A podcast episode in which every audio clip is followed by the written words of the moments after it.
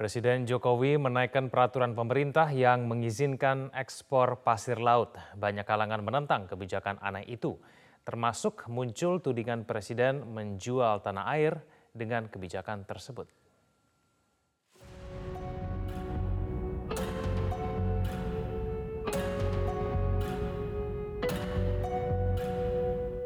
Ekspor pasir laut yang tadinya dilarang di era Presiden Megawati, kini berselang 20 tahun dibuka kembali oleh Presiden Joko Widodo. Pada tahun 2003, pemerintah telah menghentikan ekspor pasir laut melalui SK Menperidak nomor 117/MPP/KEP/2023 tentang penghentian sementara ekspor pasir laut. Alasannya jelas, yaitu untuk mencegah kerusakan lingkungan berupa tenggelamnya pulau-pulau kecil di tanah air.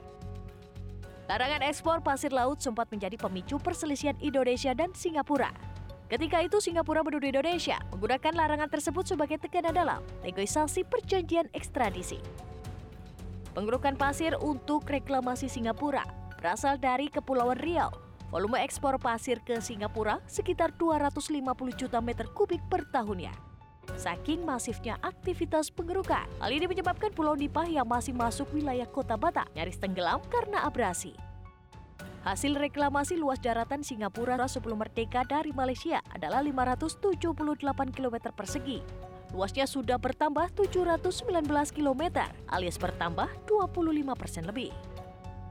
Dalam pasal 9 PP nomor 26 tahun 2023, pemerintah mengatur hasil sedimen laut dapat dimanfaatkan untuk empat hal, yakni reklamasi dalam negeri, pembangunan infrastruktur pemerintahan, pembangunan prasarana oleh pelaku usaha, dan ekspor sepanjang kebutuhan dalam negeri terpenuhi dan sesuai dengan ketentuan perundang-undangan. Aturan ekspor pasir laut ini menuai kontroversi. Direktur Eksekutif Nasional Walhi, Zenhi Suhadi mengatakan, program ini bukan hanya menjual pasir, tapi menjual tanah air. Tetapi itu menjual tanah air namanya. Karena dari proses ekspor pasir ini garis seluas pulau Indonesia itu akan semakin menyusut. Sedangkan negara-negara tetangga, China itu akan semakin meluas. Dalam bahasa lain, inilah jual tanah air.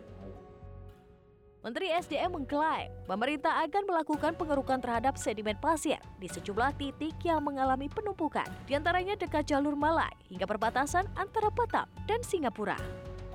Menteri SDM beralasan pengerukan pasir ini dimaksudkan untuk pengerukan sedimen agar tidak terjadi pendangkalan yang membahayakan jalur laut.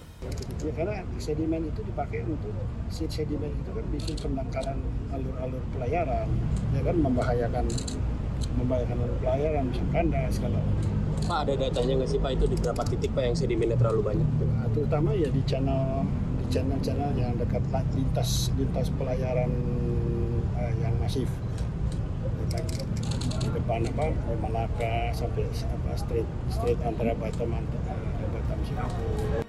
Kebijakan membuka kembali ekspor pasir laut perlu ditinjau ulang dengan mempertimbangkan dampak negatif yang akan ditimbulkannya. Ekspor pasir laut yang tadinya dilarang di era Presiden Megawati kini berselang 20 tahun dibuka kembali oleh Presiden Joko Widodo. Kebijakan membuka kembali ekspor pasir laut menjadi polemik. Berikut liputan jurnalis Metro TV Glorinata dan juru kamera Fani Maulana. Pemirsa saat ini saya berada di salah satu pantai reklamasi yang ada di Jakarta Utara. Meskipun ini pantai reklamasi, namun di sini sangat indah karena dipenuhi dengan pasir putih. Nah berbicara soal pasir putih, saat ini ekspor pasir laut yang pada zaman kepemimpinan Presiden Megawati ini sempat dilarang, namun selang kurang lebih 20 tahun di era kepemimpinan Presiden Joko Widodo ini malah dibuka kembali. Nah, ini adalah contoh pasir yang nantinya akan diekspor oleh pemerintah ke salah satu negara, misalnya negara Singapura, yang pada zaman dulu ini negara Singapura sempat diuntungkan dari adanya ekspor ini hingga negaranya bisa diperluas. Kebijakan ini tentu saja paradoks dengan amanat undang-undang kelautan yang mana terus menekankan pada pendekatan blue economy di sektor kelautan. Selain memiliki efek destruktif pada ekosistem laut dan juga bagi masyarakat yang tinggal di area eksploitasi, ternyata devisa dari hasil ekspor pasir laut bagi negara atau bagi Indonesia ini relatif kecil.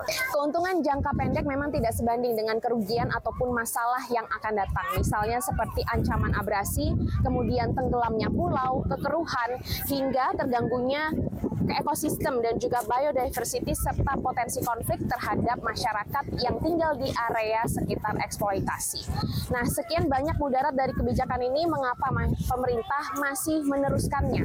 Bahkan masyarakat bertanya-tanya apa keuntungannya bagi kita atau lebih tepatnya siapa yang diuntungkan. Penasihat Wakil Presiden periode 2009 hingga 2014 sekaligus pendiri Partai Amanat Nasional Abdillah Toha mengirimkan surat terbuka untuk Presiden Jokowi. Dalam suratnya Abdillah Toha mengatakan Jokowi sudah berubah. Penasihat Wakil Presiden periode 2009 hingga 2014 sekaligus pendiri Partai Amanat Nasional Abdillah Toha mengirim surat terbuka untuk Presiden Joko Widodo. Surat tersebut ditulis karena cintanya kepada tanah air dan hormat kepada Jokowi sebagai kepala negara. Namun surat terbuka ini juga bisa sebagai kritik untuk Presiden. Tindak tanduk politik Presiden Jokowi telah membuat resah Abdillah Toha. Dalam akun Twitternya, Abdillah Toha memuat salinan artikel yang berjudul Surat Terbuka untuk Presiden Joko Widodo. Di paragraf ke-6 artikel, Abdillah menulis telah mendapati Presiden Jokowi banyak berubah dan banyak membuat kesalahan. Di antaranya Presiden disebut telah bermanuver politik untuk kepentingan pribadi dan kelompok tertentu dengan menggunakan waktu, fasilitas, dan simbol negara. Sehingga Jokowi dinilai tidak lagi berfokus pada pekerjaan utama selaku kepala negara.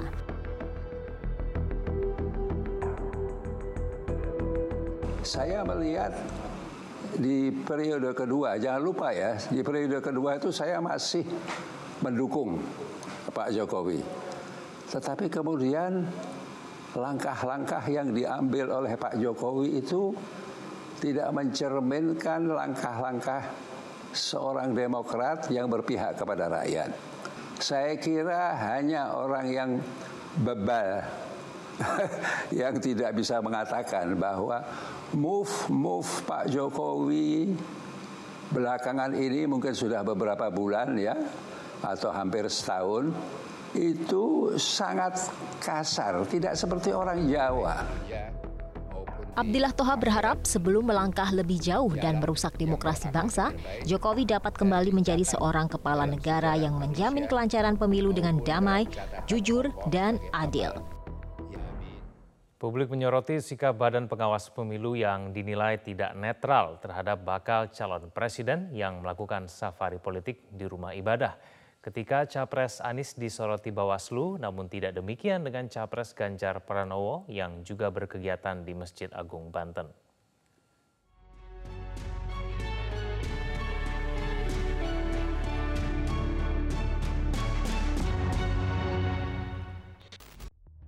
Akun media sosial Ganjar Pranowo dihujani kritik setelah memajang foto saat dirinya tengah berada di Masjid Agung Banten. Kritikan warganet juga menyasar Bawaslu yang dinilai tebang pilih terhadap bakal calon Presiden Anies Baswedan saat menunaikan sholat Jumat di Masjid Al-Akbar, Surabaya. Bahkan Bawaslu Jawa Timur disebut-sebut membuat peringatan melalui SMS Plus terkait larangan berkampanye di tempat ibadah. Meski begitu, Bawaslu menyebut bahwa kegiatan yang dilakukan di luar jadwal kampanye tidak termasuk pelanggaran pemilu. Bawaslu pun mengklaim telah mengeluarkan imbauan kepada peserta pemilu tidak menggunakan tempat ibadah sebagai lokasi kampanye. Kami telah membuat surat himbauan, bukan kemudian bukan kemudian peringatan, tapi surat himbauan untuk tidak melakukan kampanye tempat ibadah dan perhatikan tempat ibadah sebagai tempat ibadah bukan sosialisasi. Dan itu pun mhm. berlaku kepada semua capres. Hal berbeda terjadi saat Anies Baswedan melakukan sholat Jumat di Masjid Nasional Al-Akbar Surabaya 13 Maret lalu.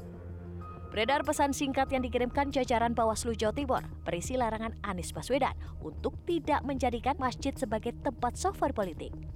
Permasalahan ketegasan penegakan aturan ini tertuju pada Bawaslu dan KPU yang sebenarnya tidak tercantum pada peraturan pemilu. Mau dia menyebut itu sosialisasi, mau dia apalagi dia menyebut itu kampanye, mau dia menyebut dia itu memperkenalkan diri, selama itu rumah ibadah, kemudian tempat pendidikan, kantor pemerintah, segala aktivitas yang berbau berbau politik itu harus ditiadakan gitu. Nggak boleh itu. Itu itu sederhana itu. Nah, cuman kan Bawaslu enggak enggak enggak enggak enggak, enggak berani lah. Meski berdasarkan peraturan yang belum masuk ke tahap kampanye, namun hal ini dapat dikategorikan masih adanya peraturan yang longgar terkait safari politik di tempat ibadah. Kasus bagi-bagi uang yang dilakukan politikus PDIP Said Abdullah Maret lalu pun akhirnya ditutup oleh Bawaslu karena dinilai tidak ada pelanggaran pemilu.